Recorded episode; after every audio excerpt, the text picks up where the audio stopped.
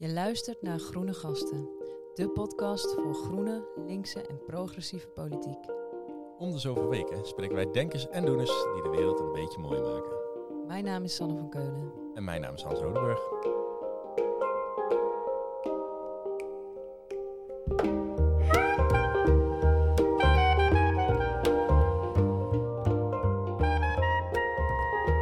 Hallo allemaal en welkom weer een nieuwe aflevering van Groene Gasten. Uh, en ja, jullie horen het al in de, in de intro, maar uh, we hebben een nieuwe, nieuwe host, Sanne. Yes, welkom. dat ben ik. En welkom terug. Dankjewel. Want Ja. uh, voor de trouwe luisteraars, Sanne is natuurlijk, heeft al eerder deze podcast gepresenteerd. Ja. Um, dus ook een reden dat je terug bent. Denise heeft namelijk afscheid genomen. Die moest andere prioriteiten stellen. En hoewel het allemaal heel leuk was, moesten, moesten wij helaas vaarwel tegen hem zeggen. Maar dat is wel heel leuk dat jij nu terug bent, Sanne. Ja, ik ben super blij. Want um, eigenlijk is uh, interviewen en gesprekken voeren en zo, dat is wel een beetje mijn hobby. Uh, en ik krijg ook wel eens het commentaar van vrienden dat ik dat wat te veel interview. Dus ik zit volgens mij goed op mijn plek. Het is een soort uitlaatklep nu. Ja, kan je ja, gewoon ja. hier je ja, ding kruisverhoor doen. Dan... wordt ook wel eens genoemd. Dat zou ik niet doen hier, maar ja. ja. Ik ben dat we bijdragen aan je persoonlijke relaties op deze manier. eh. yes, good to be back. Yes. Waar gaan we het vandaag over hebben? Ja, dinsdag uh, is de dag dat deze podcast online komt. Kiezen statenleden die wij allemaal in maart hebben gekozen, de nieuwe leden van de Eerste Kamer. In juni nemen ze zitting. De Eerste Kamer is nog nooit zo gepolitiseerd geweest. Hier wordt bepaald of het kabinet bij wetgeving linksom of rechtsom gaat. Althans, zo werd het aangekondigd in de campagne.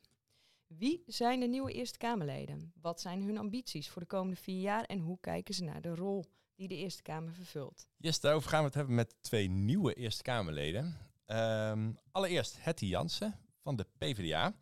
Uh, welkom Hetty. Ja, dank je. Je bent begonnen als uh, middelbare schooldocent ooit. Uh, daarna directeur geweest bij heel veel instellingen. Zorginstellingen, ouderenzorg, gehandicaptenzorg, jeugdzorg. Aantal scholengemeenschappen en een bibliotheekorganisatie. En daarnaast ben je vanaf 2011 lid van de Provinciale Staten in Friesland geworden. Waar je ook uh, fractievoorzitter was uh, een aantal jaar. En je was woordvoerder landbouw, natuur, water en klimaat. Um, en je stond bij de Eerste Kamerverkiezingen op plek 3 voor de PvdA, toch? Ja, klopt. Ja. Ik ben van huis uit over, overigens fysicus. Dat is ook nogal weer wat aardig. Want ik ben daarna eigenlijk vooral in de zorg werkzaam geweest. Maar ik heb uh, natuurkunde gestudeerd ooit. Kijk, dat is een hele, hele brede range aan ervaring. En daarnaast uh, hij zit Daan Rover. Uh, zij is filosoof en schrijver. En was tot voor kort lid van de Raad voor het Openbaar Bestuur. En uh, voor wie de naam misschien bekend voorkomt, van 2019 tot 2021 was ze Denker des Vaderlands, waarin ze pleitte voor meer publiek denken. Bij de ja. Eerste Kamerverkiezingen stond ze op plek 5 voor GroenLinks. Welkom Daan. Dankjewel. Goed dat je hier zit. Yes, we gaan het vandaag met jullie dus hebben over uh, ja, gewoon jullie eigen motivatie. Gewoon een beetje kennis maken met wie zijn jullie nou. Uh, en we gaan het natuurlijk hebben over de Eerste Kamer. We noemden het al, die politisering van de Eerste Kamer. Hoe kijken we ernaar? Hoe zien jullie dat? Uh, maar allereerst gewoon... En, en, en de linkse samenwerking oh ja, natuurlijk. natuurlijk. Want dat ja. is best wel nieuw en spannend, denk ik. Ja, zeker. Want, dus daar willen we het ook nog even over hebben. We zullen zo meteen uitleggen hoe dat precies allemaal zit, die linkse samenwerking. Maar eerst kennis maken. Daan, ja. um, je bent filosoof. Ja. Uh, wat was nou het moment dat jij dacht, ik moet de politiek in? Want filosofen zijn over het algemeen best wel afstandelijk, reflectief. Ja. En nu de actieve politiek. Ja, ik dacht, um, ik wil toch even een, uh, een stapje dichter daar naartoe. Ik heb me mijn hele werkzame leven wel bezig gehouden met politieke vraagstukken, met uh, democratie, met uh, partijpolitiek. Wat betekent dat? Waar is het ontstaan? En dat soort vraagstukken. Um, maar altijd vanaf een meer abstracte positie. Ik heb in de journalistiek gewerkt bij Filosofie Magazine. Ik was denker des Vaderlands. Ik vond het heel belangrijk om, laten we zeggen, onafhankelijk te zijn. Hè, dus niet aan partijpolitiek gebonden te zijn. Uh, ik was altijd wel lid van GroenLinks, maar dat deed ik verder niks mee. En uh, toen ik die functies zo allemaal uh, eens achtereenvolgens erop had zitten, dacht ik, ja, nu kan ik nog wel zo, laten we zeggen, op afstand blijven. Maar nu wordt het toch tijd om, om iets dichter in de arena te gaan mengen. Ja. Dus dat heb ik gedaan. En um, die afstandelijkheid, of de- de- had je dan het idee van ik kan als filosoof niet genoeg impact hebben? Want zo, als, als publiek denken lijkt me toch dat je ook enorme invloed hebt, toch? Ja, misschien zelfs wel meer, zeggen sommige mensen ook. Maar voor mij was het toch niet genoeg. En ik vond ook een beetje, ik vond dat ik mezelf een beetje geweld aandeed door, door maar boven de partijen te blijven hangen, laat ik het zo zeggen. En misschien speelde ook mee dat ik, eh, ik lees veel eh, van Habermas, Jurgen Habermas, een Duitse filosoof.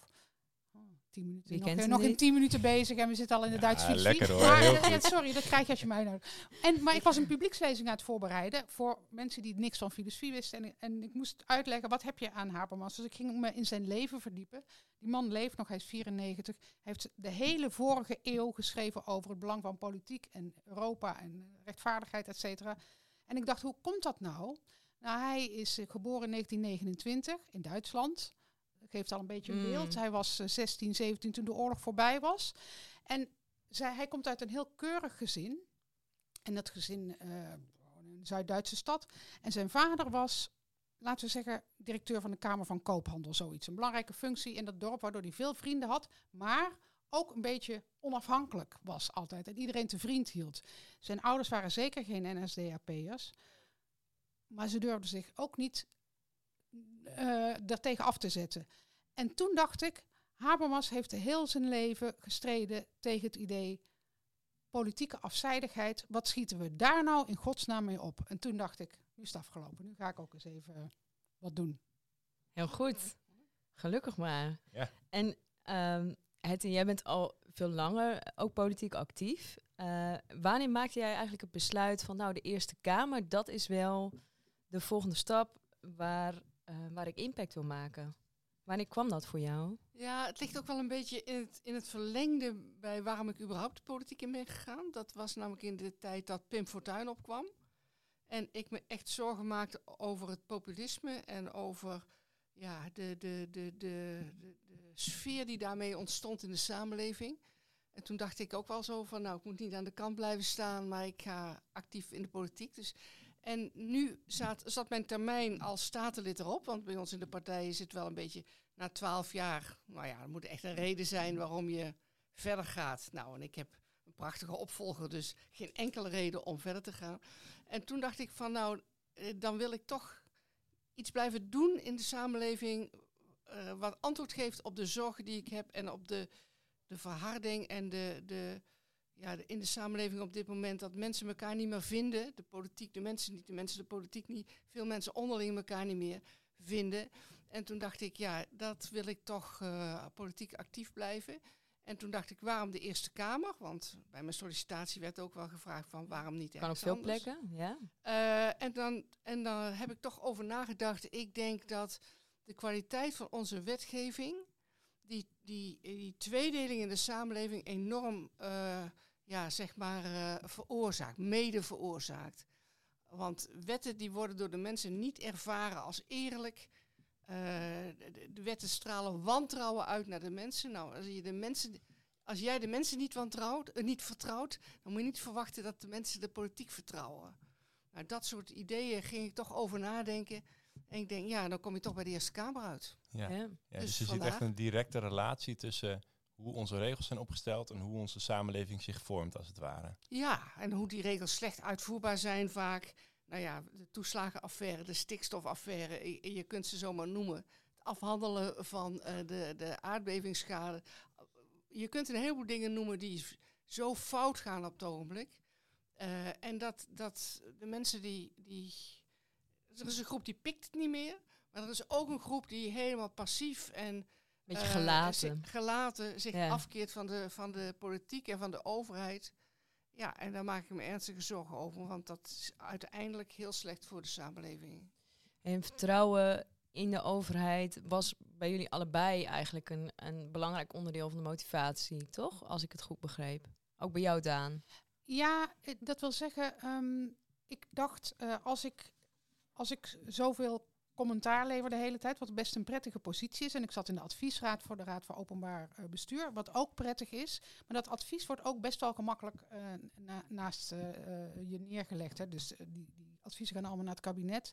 En dan krijg je een briefje terug, we hebben het gelezen. Ja, en we komen er over drie maanden op terug, kabinetsreactie. En ik dacht, ja, misschien wil ik, moet ik toch iets meer vuile handen maken. Dus ik dacht, ga er zelf maar op af.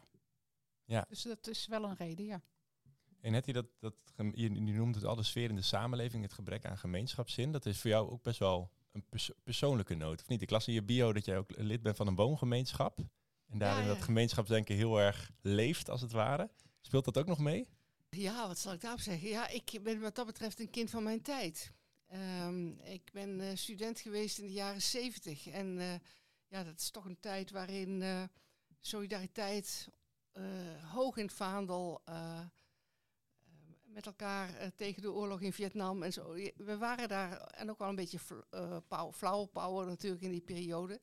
Dus um, dat niet alleen voor jezelf en met je eigen relatie, maar in een breder uh, context samenwonen. Dat heeft er, is er bij mij wel ja, toen ingeslopen. En ik woon inderdaad nu al 45 jaar in een woongroep. En dat bevalt me uitstekend. Mijn kinderen zijn er geboren, mijn kinderen zijn er grootgegroeid, weer uit huis gegaan. En we wonen nu nog met zes. Uh, ik ben de jongste, dus. Mm.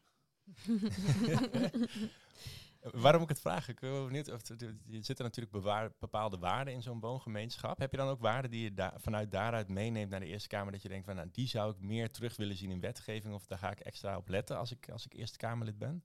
Ja, zo concreet kan ik dat niet aangeven richting het wonen in een woongroep. Kijk, het zegt wel wat over mijzelf.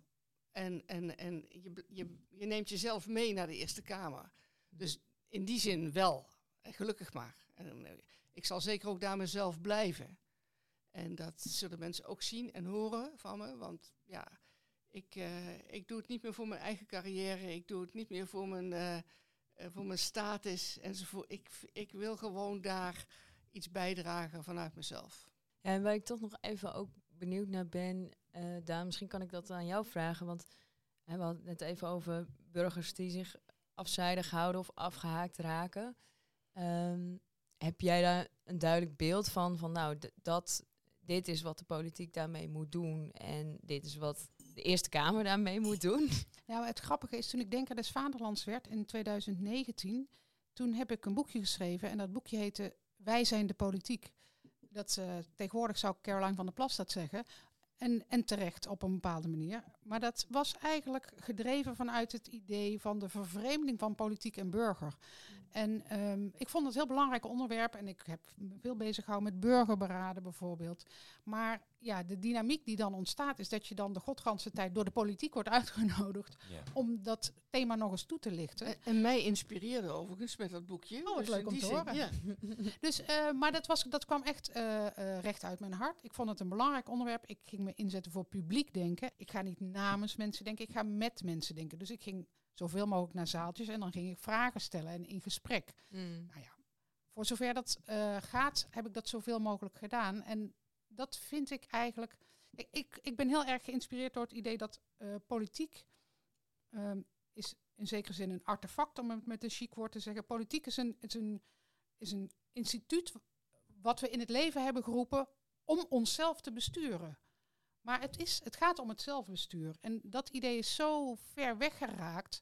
En ik kom uit uh, de traditie van de filosofie en ik lees teksten van Plato, waarin, waarin een stad gewoon bestuurd werd door de vrije burgers. Daar was helemaal geen regering, daar was geen parlement. Dat was een soort directe vorm van democratie, met heel veel nadelen maar ook met inspiratie voor mij. En daar, uh, daar ontleen ik nog altijd heel veel aan. Ja, want wat bedoel je met zelfbestuur? Van ik, wil, ik streef naar zelfbestuur. Wat, wat houdt dat precies in? Nou, um, wat ik heel belangrijk uitgangspunt is, vind, is dat in een samenleving eigenlijk elke stem evenveel te vertellen heeft. En in Nederland is dat in formeel opzicht geregeld. Hè. We hebben allemaal maar één stembiljet. Ook Mark Rutte heeft maar één stembiljet. Ook de directeur van Shell heeft maar één stembiljet.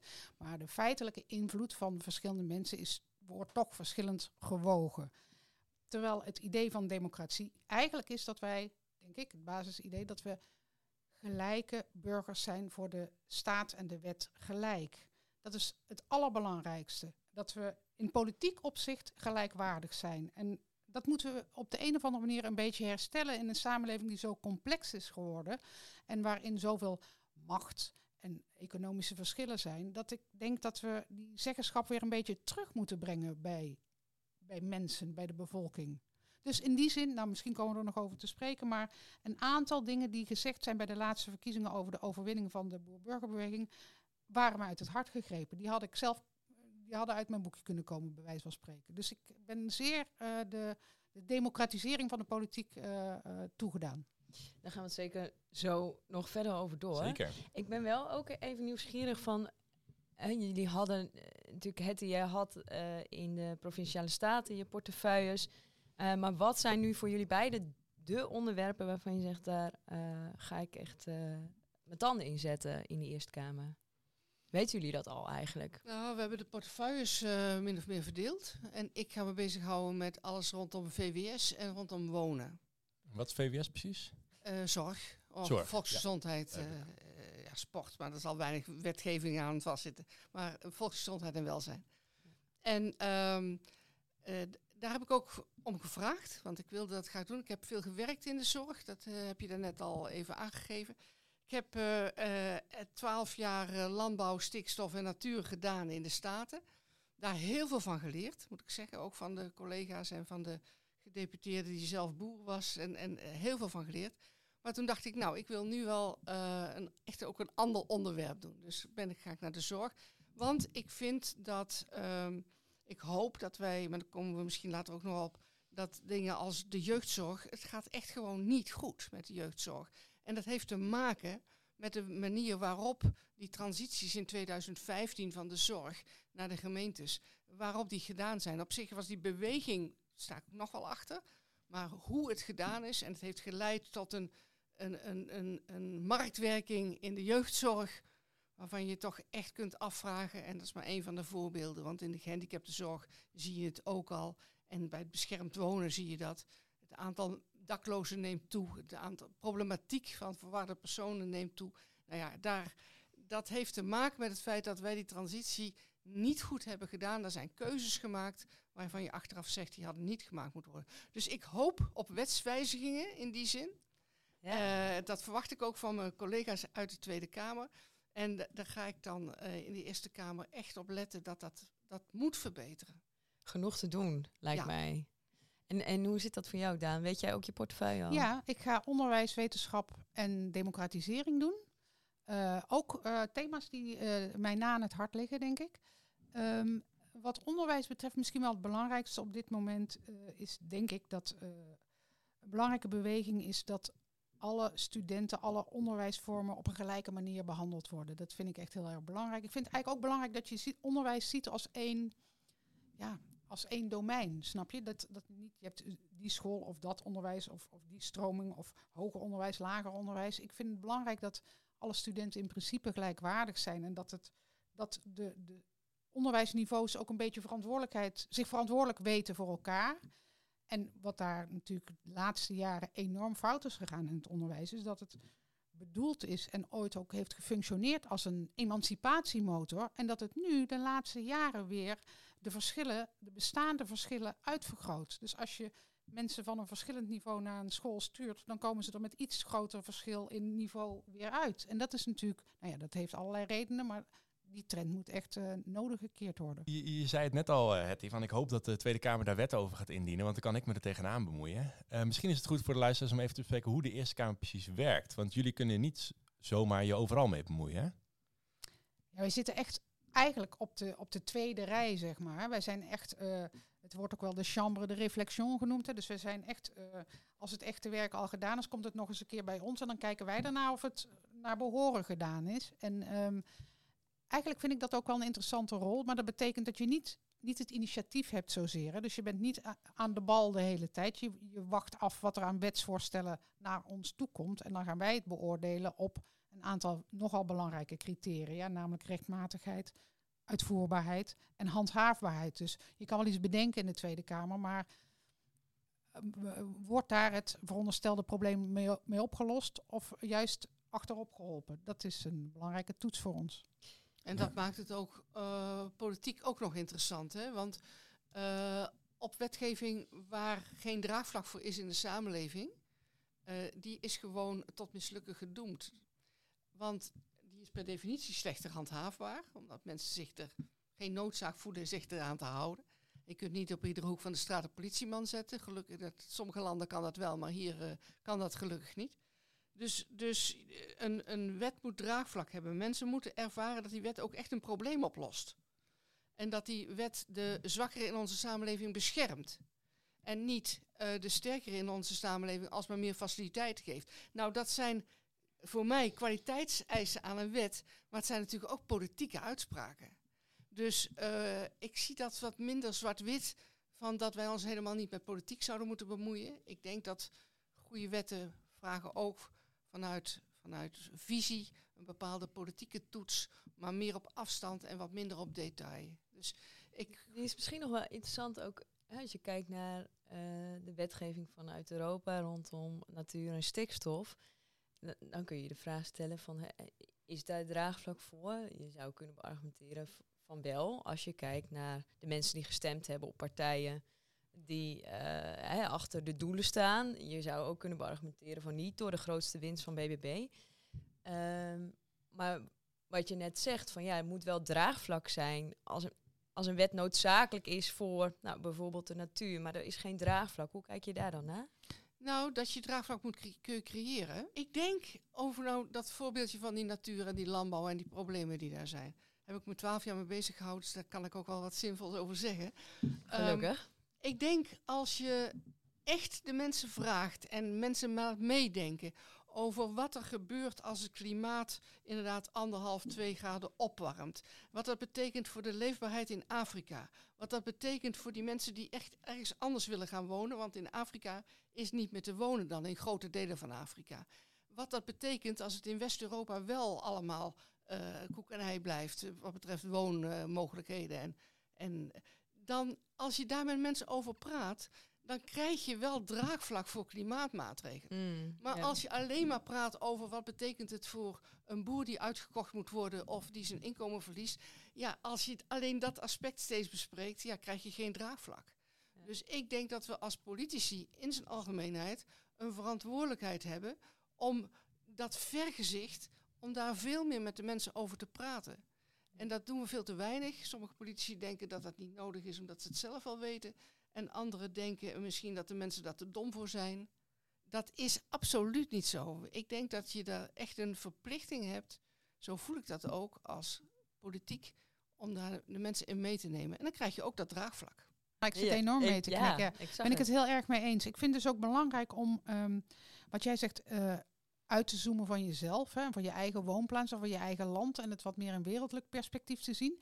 Ik vind het ook belangrijk om uit te zoomen in de tijd. en te kijken, wat niet wat betekent dit voor 2030 of 2035, nee, wat betekent dit voor 2060? Mijn, mijn uh, uh, jaartal waar ik me op richt als ik nadenk over maatregelen is meestal 2060. Um, ehm, dat komt omdat in Japan is er een, een soort burgerberaad Um, waarin ze de, burger, de bevolking die daaraan deelneemt uh, in tweeën hebben uh, gesplitst. Een aantal mensen uh, argumenteert over maatregelen voor wat ze voor nu betekenen. En de andere helft verplaatst zich in de burgers van 2060. En probeert dan de vraag te beantwoorden: wat betekent deze maatregel voor mensen die in 2060 in deze stad leven? Hebben die nog frisse lucht om in te ademen? Kunnen die nog water uit de kraan drinken? Kunnen die zich nog vervoeren? Nou, dat vind ik een interessante politiek project. En een andere reden bedacht ik me later, die nog veel dichter bij huis ligt. Maar in 2060 zijn mijn kinderen precies even oud als ik nu ben. Ja. Dus emotioneel gezien is het ook eigenlijk verrekte dichtbij, zou ik willen zeggen. Ik bedoel, dat, is, dat is hun lucht die zij dan inademen. En ik denk dat uh, alle mensen, ook de mensen die in eerste instantie zeggen tegen de klimaatmaatregelen te zijn, uh, ook mensen hebben die, die hun dierbaar zijn, die in 2060 rondlopen en die die nog over straat willen kunnen fietsen en water uit de kraan willen drinken. Dus ik vind dat een behulpzaam perspectief om, om uit te zoomen en niet steeds te denken 230, 235, de volgende verkiezingen of heel eventueel nog een verkiezing verder, maar echt een lange termijn perspectief te ontwikkelen. En de kunst voor ons, ook als Eerste Kamerleden, misschien wel juist als Eerste Kamerleden, is om dan dit, dit betoog uh, te voorkomen dat dat misbruikt wordt om de tijdshorizon naar 2060 te leggen, dat we dan nu even helemaal niks hoeven te doen. Maar juist doordat je dat perspectief van 2060 naar voren haalt, dat je dan de urgentie eh, om nu te beginnen, om morgen te beginnen, om om morgen door te gaan, die juist naar voren haalt. En, eh, en dat dreigt niet te gebeuren. Hè. De, de, die discussie rondom 2030 of 2035, Ja. die wordt gevoerd in het, met het perspectief van uitstellen. En niet met het perspectief van urgentieverhoging. Ja. En, en dat, ik denk dat we daar ook, ja, daar moeten we de mensen op wijzen. Daar moeten we de, onze, onze, onze Tweede Kamerleden op wijzen. Dat dat, dat dat echt van belang Dat is. is wel een goede toevoeging, moet ik zeggen. Zeker. Want Jullie heel zijn veel mensen gaan er achterover zitten natuurlijk als ze 2060 worden. Die zijn al helemaal op elkaar ingespeeld. Ja, dat valt me ook op. Ja, dat zit daar alleen maar zo. Ja, en dit, ja, dat. goed komen. Jullie, zeggen van die democratisering en het draagvlak is super belangrijk. En dus dat mensen betrokken zijn. Betekent dat ook iets voor jullie werk als, ka- als Eerste Kamerlid? Want Eerste Kamerleden, hoe ik het zie, die lezen wetten en beoordelen dan, is alles goed meegenomen? Of gaan jullie in je werk als Eerste Kamerlid ook veel meer die verbinding dan actief zoeken met de mensen? Ik moet zeggen dat ik daar nog niet zo'n beeld van heb. Ik heb daar wel een beeld van. Ja, ook omdat ik, ik een nieuw domein instap. En voor jou ligt dat denk ik ook iets anders. Eh, maar ik stap echt eh, bestuurlijk een nieuw domein in, zeg maar. Eh, het is wel mijn werkdomein. Dus ik ga een aantal contact, contacten die ik uit die periode had, ga ik weer oppakken. En trouwens, daar hoef ik niet zelf moeite aan te doen, want die mensen willen me al spreken. Hè. Dat de zorg, hè? ja, in de zorg. Mensen uit de zorg die mij kennen uit die periode en die nu in de krant gelezen hebben van, oh, ze gaat daar politiek wat mee doen. Nou, ik wil, ik wil echt met die mensen, en dat zijn niet eh, de bestuurders van de ziekenhuizen, maar dat zijn de verpleegkundigen op de werkvloer wat mij betreft. En dan kijken hoe pakken die wetten uit. En natuurlijk doet de Tweede Kamer dat in eerste instantie. En dat, eh, dat, dat vind ik ook prima. Maar ik denk toch dat een toets daarop, eh, ja, dat, dat wij dat ook moeten doen. Ik, dus ik zie dat niet alleen als werk in Den Haag. Ik zie dat wel degelijk ook werk op de werkvloer en misschien wel dan via organisaties. Wat minder dan, dan één op één op de echte werkvloer. Maar ik denk wel dat het belangrijk is dat wij ook naar buiten gaan. Ja. En Daan, jij hebt dat eerder natuurlijk veel gedaan, zei je net al. Hè? Ja. Zaaltjes in en, publiek denken, gezamenlijk denken. Eh, zou je dat nu minder moeten doen als Eerste Kamerlid, naar je idee? Ik weet het niet. Ik, heb het, eh, ik word nu de hele tijd op GroenLinks standpunten aangesproken. Dus ik ben. En ik, ja, maar dat is heel gek. En, en best wel vervelend op een bepaalde manier. Want ik, ik praat altijd namens mezelf en voor mezelf. En dat dat toevallig overeenkomt met GroenLinks is heel prettig. Maar of, of ook met flyeren word je op de standpunten van Rutte aangesproken. Dus ik, ik moet nog even een goede weg daarin zoeken. Ja. Of, of dat Ja. nog productief is op die manier. Of dat ik nu eh, als een, eh, op een andere manier word bejegend. Maar wat ik ook belangrijk vind is ehm, natuurlijk praten met de mensen die verstand hebben van het veld waar je met wetgeving bezig bent, maar ook met andere partijen. Dat is voor mij ook heel belangrijk. Dus dat je niet alleen ehm, met je linkse collega's praat, maar ook met de andere partijen in de Eerste Kamer. Dat zijn allemaal collega's met wie je, naar mijn idee, toch gezamenlijk eh, het land moet verbeteren.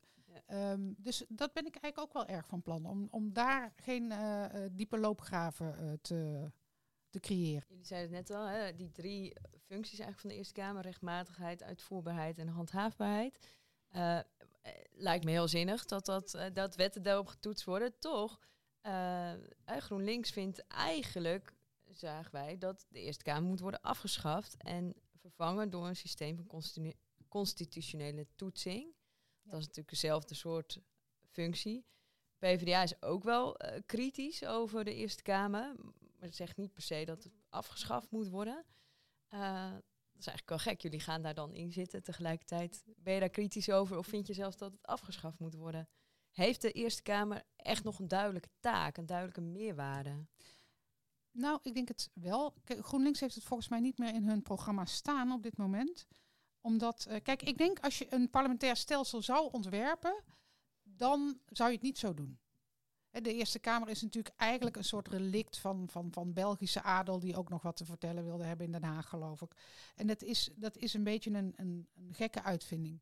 Toch kun je, denk ik, zeggen dat op het moment dat de Tweede Kamer zo eh, versnipperd is, enerzijds, anderzijds zo eh, zucht onder de druk van publieke opinie en eh, snelle wetgeving, het, eh, het instituut van de Eerste Kamer eigenlijk aan waarde wint. Dat wil niet zeggen overigens dat je dat idee van die constitutionele toetsing achteraf, hè, dus, want wij doen het vooraf, maar ook achteraf zou kunnen toevoegen. Daar is volgens mij is minister uh, Bruinslot er ook, ook, op aan het studeren. Volgens Kun je mij. die nog even kort uitleggen? Wat is het ook weer, constitutionele toetsing? Ja, dat is de toetsing van wetten en de behandeling door een wet aan de grondwet.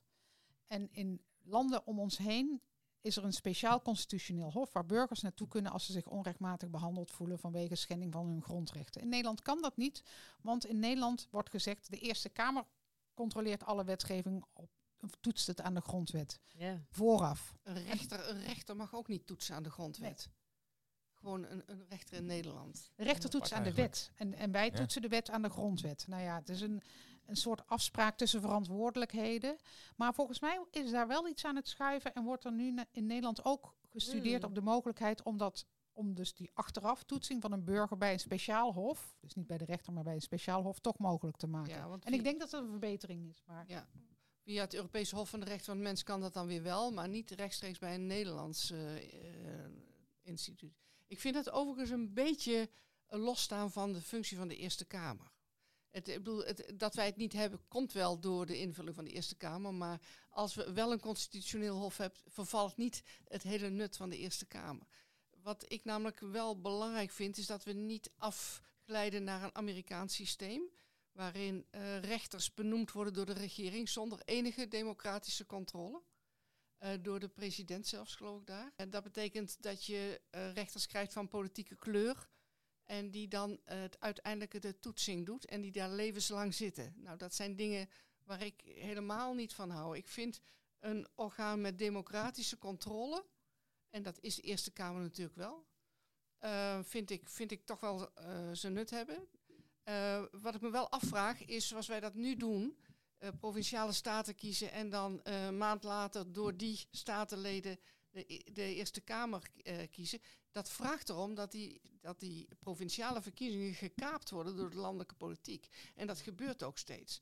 Dus ik zou er erg voor zijn om dat bijvoorbeeld halverwege de periode te doen. daardoor is toen wel de opkomst enorm verhoogd van de provinciale statenverkiezingen. Door, door ze te koppelen aan, aan de eenmalige verkiezing van de Eerste Kamer, heb ik begrepen. Nee, dat geloof ik helemaal niks van.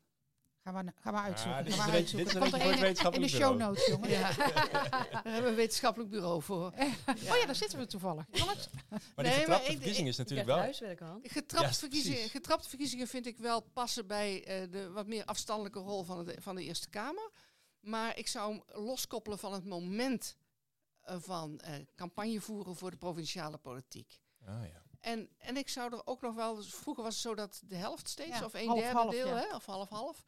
En dat zou je ook kunnen overwegen, dat je, dat je eh, de helft van de Eerste Kamer maar vernieuwt. ja, dat bedoelde ik. De- dat hebben ze samengevoegd om die opkomst, om, om in één keer Ja. het hele land campagne te voeren. En daarmee is de opkomst verhoogd toen. Maar volgens mij die commissie Remkes, daar heb je meer Remkes, eh, van het parlementair stelsel. Wat moeten we in Nederland zonder Remkes? Ja, hij heeft een heel goed rapport geschreven over het parlementair eh, stelsel. eh, hoge dre- lage drempels, hoge dijken. ja, Daarin staat ook eh, het voorstel om dat weer terug te brengen, Ja, ja. volgens mij. Dus de, de- de Klopt. half-half. Ze moeten dat gewoon weer van de plank trekken Ja. en eh, gaan invoeren. Kan je gewoon googlen, Ja. downloaden, Ja. invoeren. laten we naar de politisering van de Eerste Ja, Kamer dat gaan. was nog wel een prangende vraag die we hadden. Hè? Ja, zeker. Want we begonnen er al even mee. Van de campagne werd wel heel nadrukkelijk gevoerd van... we gaan linksom of rechtsom. De Eerste Kamer wordt nu een, een machtsfactor van betekenis.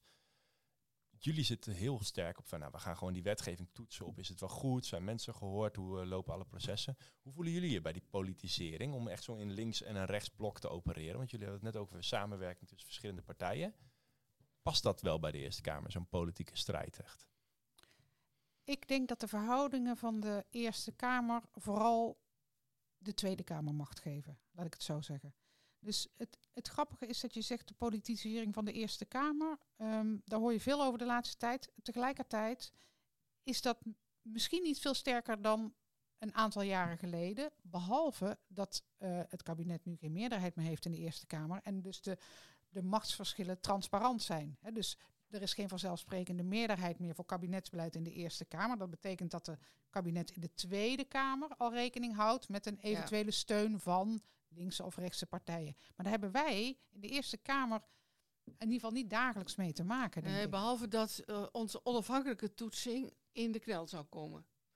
Hè, op het moment dat, eh, dat eh, het kabinet zaken heeft gedaan in de Tweede Kamer met GroenLinks Partij van de Arbeid om naderhand in de Eerste Kamer het er doorheen te krijgen, zijn wij dan in de, bij de bespreking in de Eerste Kamer nog wel vrij in onze keuzes. En dat vind ik wel een, vind ik wel een probleem. Ja, dat is een goede vraag. Maar zijn daar voorbeelden van dat dat niet het geval is nu?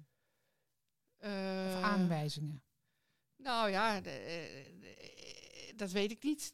Ik, wij we hebben nog niet de echte Nee, fractiediscussies niet, nog me- niet meegemaakt. Maar hoe wij, over de, hoe wij in de pensioenwet hadden gezeten. Als er niet een deal was gesloten met onze Tweede Kamerfractie. Hoe we dan als Eerste Kamer in de pensioenwet hadden gezeten. Dat, is, dat weet ik niet. Ik kan het niet precies inschatten.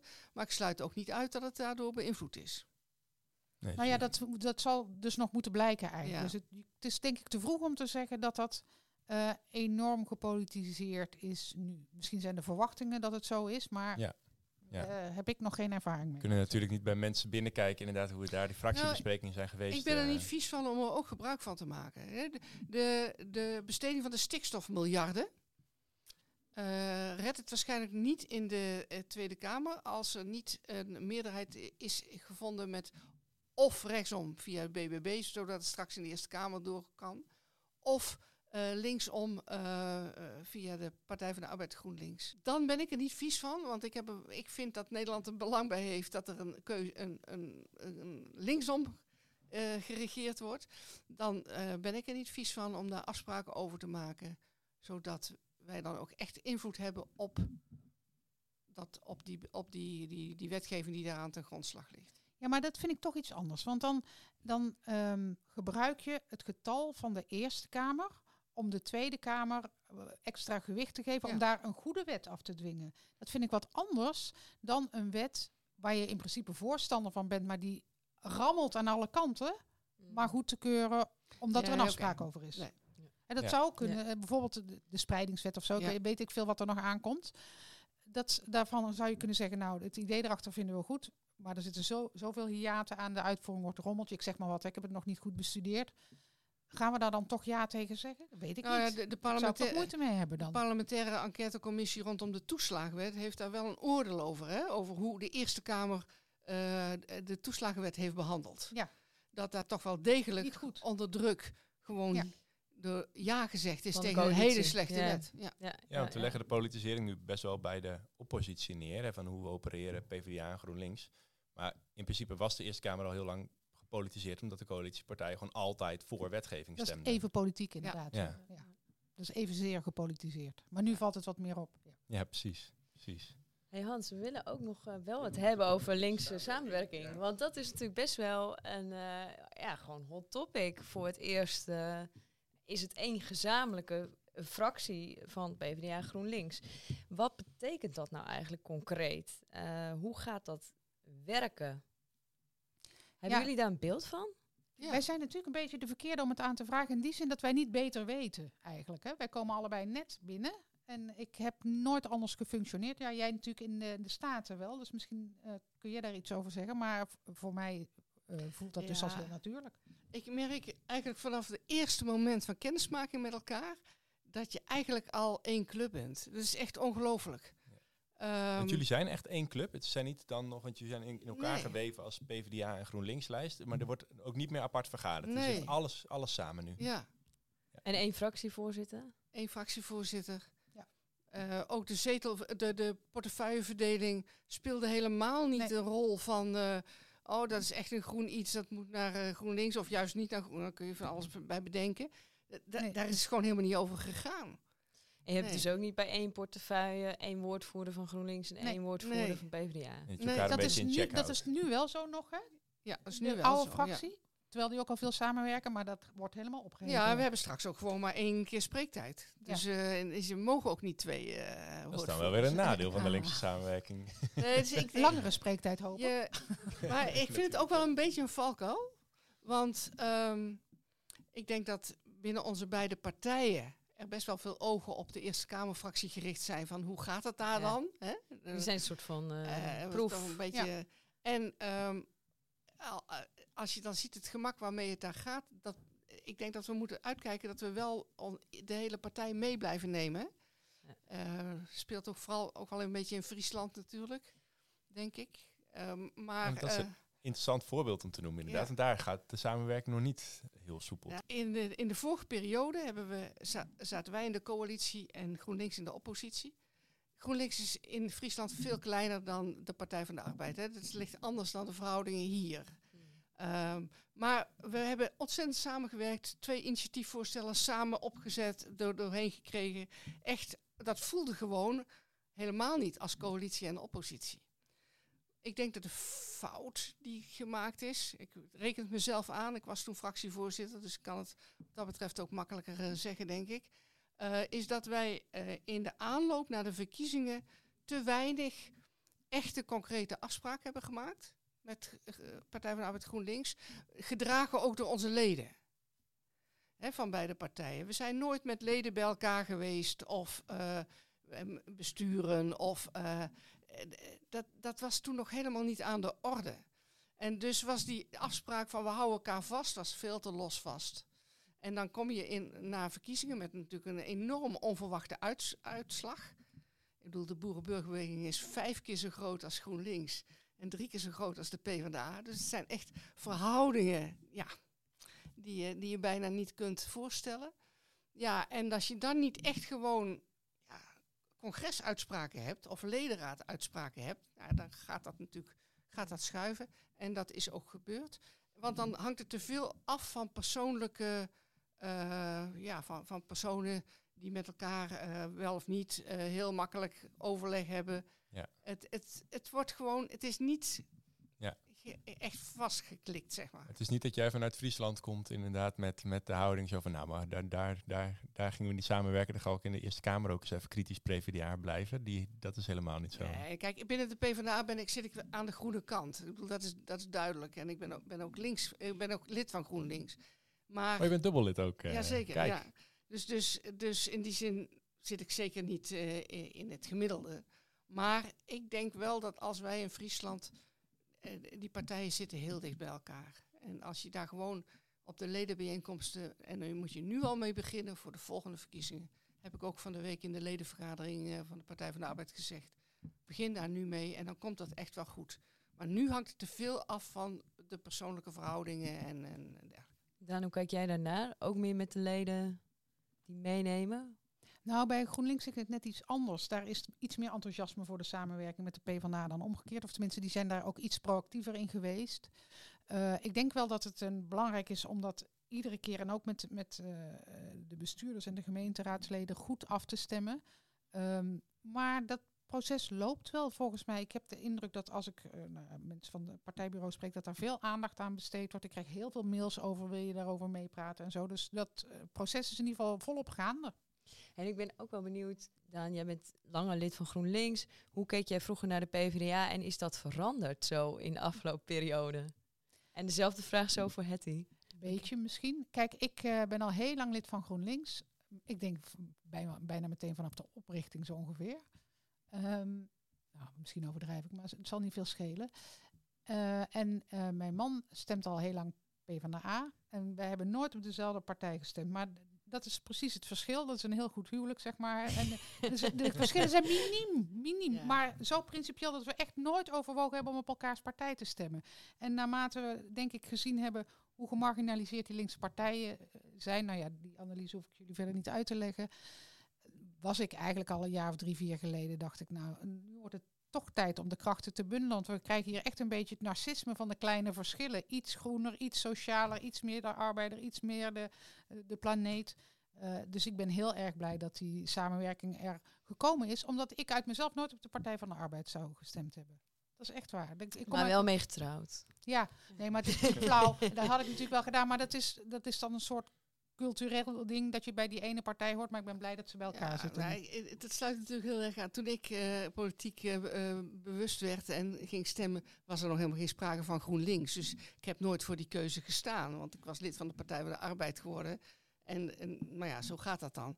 Ehm, ik, ik, wat je, eh, ehm, jij zei net zo van, dat, wo- dat, dat wordt wel goed opgepakt en dergelijke. Ik, ik wil je toch nog even wijzen op eh, waar ik me wel een beetje zorgen maak. Dat is dan toch een beetje het verschil tussen de Randstad en de regio. Eh, in de Randstad zit de Partij van de Arbeid en GroenLinks qua historie ook gewoon dichter bij elkaar. Ja. En eh, bij, in, in de regio, als je nu ook ziet waar de samenwerking los is gelaten, in welke provincies, dat zijn de provincies, volgens mij Drenthe, Friesland, Limburg. Nou ja, en eh, dus, dus, ehm, en dat vraagt aandacht. En het zou heel goed zijn als onze partijen daar ook gewoon aandacht voor hebben. Want dan komt het wel goed. Nog één belangrijke vraag voordat we gaan afronden over die linkse samenwerking in de Eerste Kamer. Het is natuurlijk zo dat de Tweede Kamerfracties nog niet één fractie hebben gevormd en dus van mening kunnen verschillen. Hoe gaat dat, hoe gaat dat doorwerken naar de Eerste Kamer? Want ze kunnen zo meteen wet aankomen waarbij de Tweede Kamerfracties anders gaan stemmen. Ehm, dat het- gebeurt nu ook, hè? Ik bedoel, er is eh, Enkele keer geloof ik. Dus ja, er zijn nu wetten in, in behandeling waarbij ja. de Eerste en eh, of waarin de Tweede Kamer verschillend gestemd heeft, volgens mij, over onderwijs. Maar eh, ik denk dat ehm, ik, ik weet niet of dat heel veel zal voorkomen. Er zijn natuurlijk. Ik weet niet of. Ik denk dat het meningsverschil tussen twee partijen meer het meningsverschil tussen verschillende mensen en groepen binnen een fractie, fractie zal worden. En dat je net zo lang probeert te praten tot je het eens Ja. bent. Dat denk ik eigenlijk. En dat het minder partijafhankelijk is en meer ja, eh, wat progressievere en wat behoudendere stemmen. Of wat, eh, hè, dus dat je meer dat type gesprek krijgt dan typisch PvdA of GroenLinks onderscheid. Maar dat moeten we nog ervaren. En ik, ik ga ervan uit dat het een tijdelijk probleem is. Tot de volgende verkiezingen en daarna niet meer. Want dan is het gewoon één fractie. Eh, het is ook mooi wat je zegt van de verschillen binnen zo'n partij zijn natuurlijk groter zijn dan de verschillen tussen. Alsof die er niet ja, zijn, ja, inderdaad. Ja. Alright, we gaan afronden. Zijn we aan het einde gekomen? voordat. Ik reclame heb gemaakt. Toch? Of had je nog Nee. een, iets, iets anders Nou in ja, petto? eh, doen we de ministervraag nog. Oh ja, natuurlijk. Ja, nee, de ministersvraag. nou ja, de nee, ik ministersvraag? de minister, ja. Zo, bijna een hele format overboord. ja, maar normaal hebben wij altijd de ministersvraag. En ehm, normaal is die altijd wel wat anders. Want we stellen altijd de vraag, wat nou als je minister van een volgend kabinet zou worden, waar GroenLinks en PvdA natuurlijk in zitten. Zeker. Welke ministerspost wil je dan? Vond ik nu een beetje eh, gek, omdat jullie de Eerste Kamer ingaan. Het is dan gek om eh, gelijk te zeggen dat je minister wil worden. Dus ik had aan jullie eigenlijk alle twee de vraag. ehm, wat nou als dat volgende kabinet wordt gevormd? Wat zou voor jullie dan echt de maatregel zijn? Of het Stuk wetgeving. stuk wetgeving wat je echt eh, doorgevoerd zou willen zien worden? Wat zou echt de prioriteit moeten zijn in die zin voor jullie? Ik kan heel veel noemen. Nee, mag Ja. eentje. Nee, dat mag niet. Mag maar één. Ja. nou, dit kabinet laat zo verschrikkelijk veel liggen en schuift zoveel voor zich uit. Dat eh, de marktwerking uit de zorg halen. En al die, Ja. dat aanbestedingscircus, dat moet weer uit de wet. Helder. Scherp. Ja. Daan. Ik denk dat ik me onmiddellijk sterk zou maken voor de generatietoets. Daar zijn meer partijen voor overigens. Maar eh, bij elke wetgeving kijken, nou, hoe pakt dit uit voor de volgende generatie? We moeten hier niet alleen voor onszelf gaan zitten zorgen. Maar, en voor onze eigen belangen. Maar juist voor de volgende generatie en de planeet. Echt dat lange termijn perspectief. Ja. Ja. ja, want we zijn aan het einde gekomen. Eh, vond je deze podcast nou leuk? Deel hem vooral. Ehm, dan eh, bereiken wij steeds meer mensen. Eh, we hebben daarnaast ook een tijdschrift waarbij eigenlijk alle onderwerpen die we in de podcast bespreken ook wel aan bod komen. Dat is tijdschrift De Helling. Je kan vriend van ons worden, dan krijg je die, krijg je die in de bus. We staan meteen in de show notes. Ik denk dat het ook wel leuk is als mensen kunnen, denk ik, al contact met jullie opnemen gewoon op jullie Eerste Kamermail. Hè? Zullen we die ook in Ja. de show notes zetten? We moeten nog even wachten tot we geïnstalleerd zijn, Ja, want die mail is nog niet actief. Oh, de mail is nog niet actief. Nee, nou, dan eh, ik ga hem gewoon in de show notes zetten en dan moeten mensen maar even een Dan beetje kijken wanneer ze antwoord krijgen. Heb je al een volle mailbox voordat je begint? ja, precies. Dan gaan jullie gewoon nu al heel veel werk Nee, maar dat eh, je mag wel mijn gewone mailadres in die, eh, in die showbox Oh, zetten. top. Doe Ja, ik dat. Dat is dan echt even beter, denk ik. Ja. Helemaal goed. Mooi. En laat ons ook vooral weten wat je van eh, dit gesprek vond. Zeker. Zijn we heel benieuwd naar. Ja. Tot eh, de volgende. Yes, tot de volgende.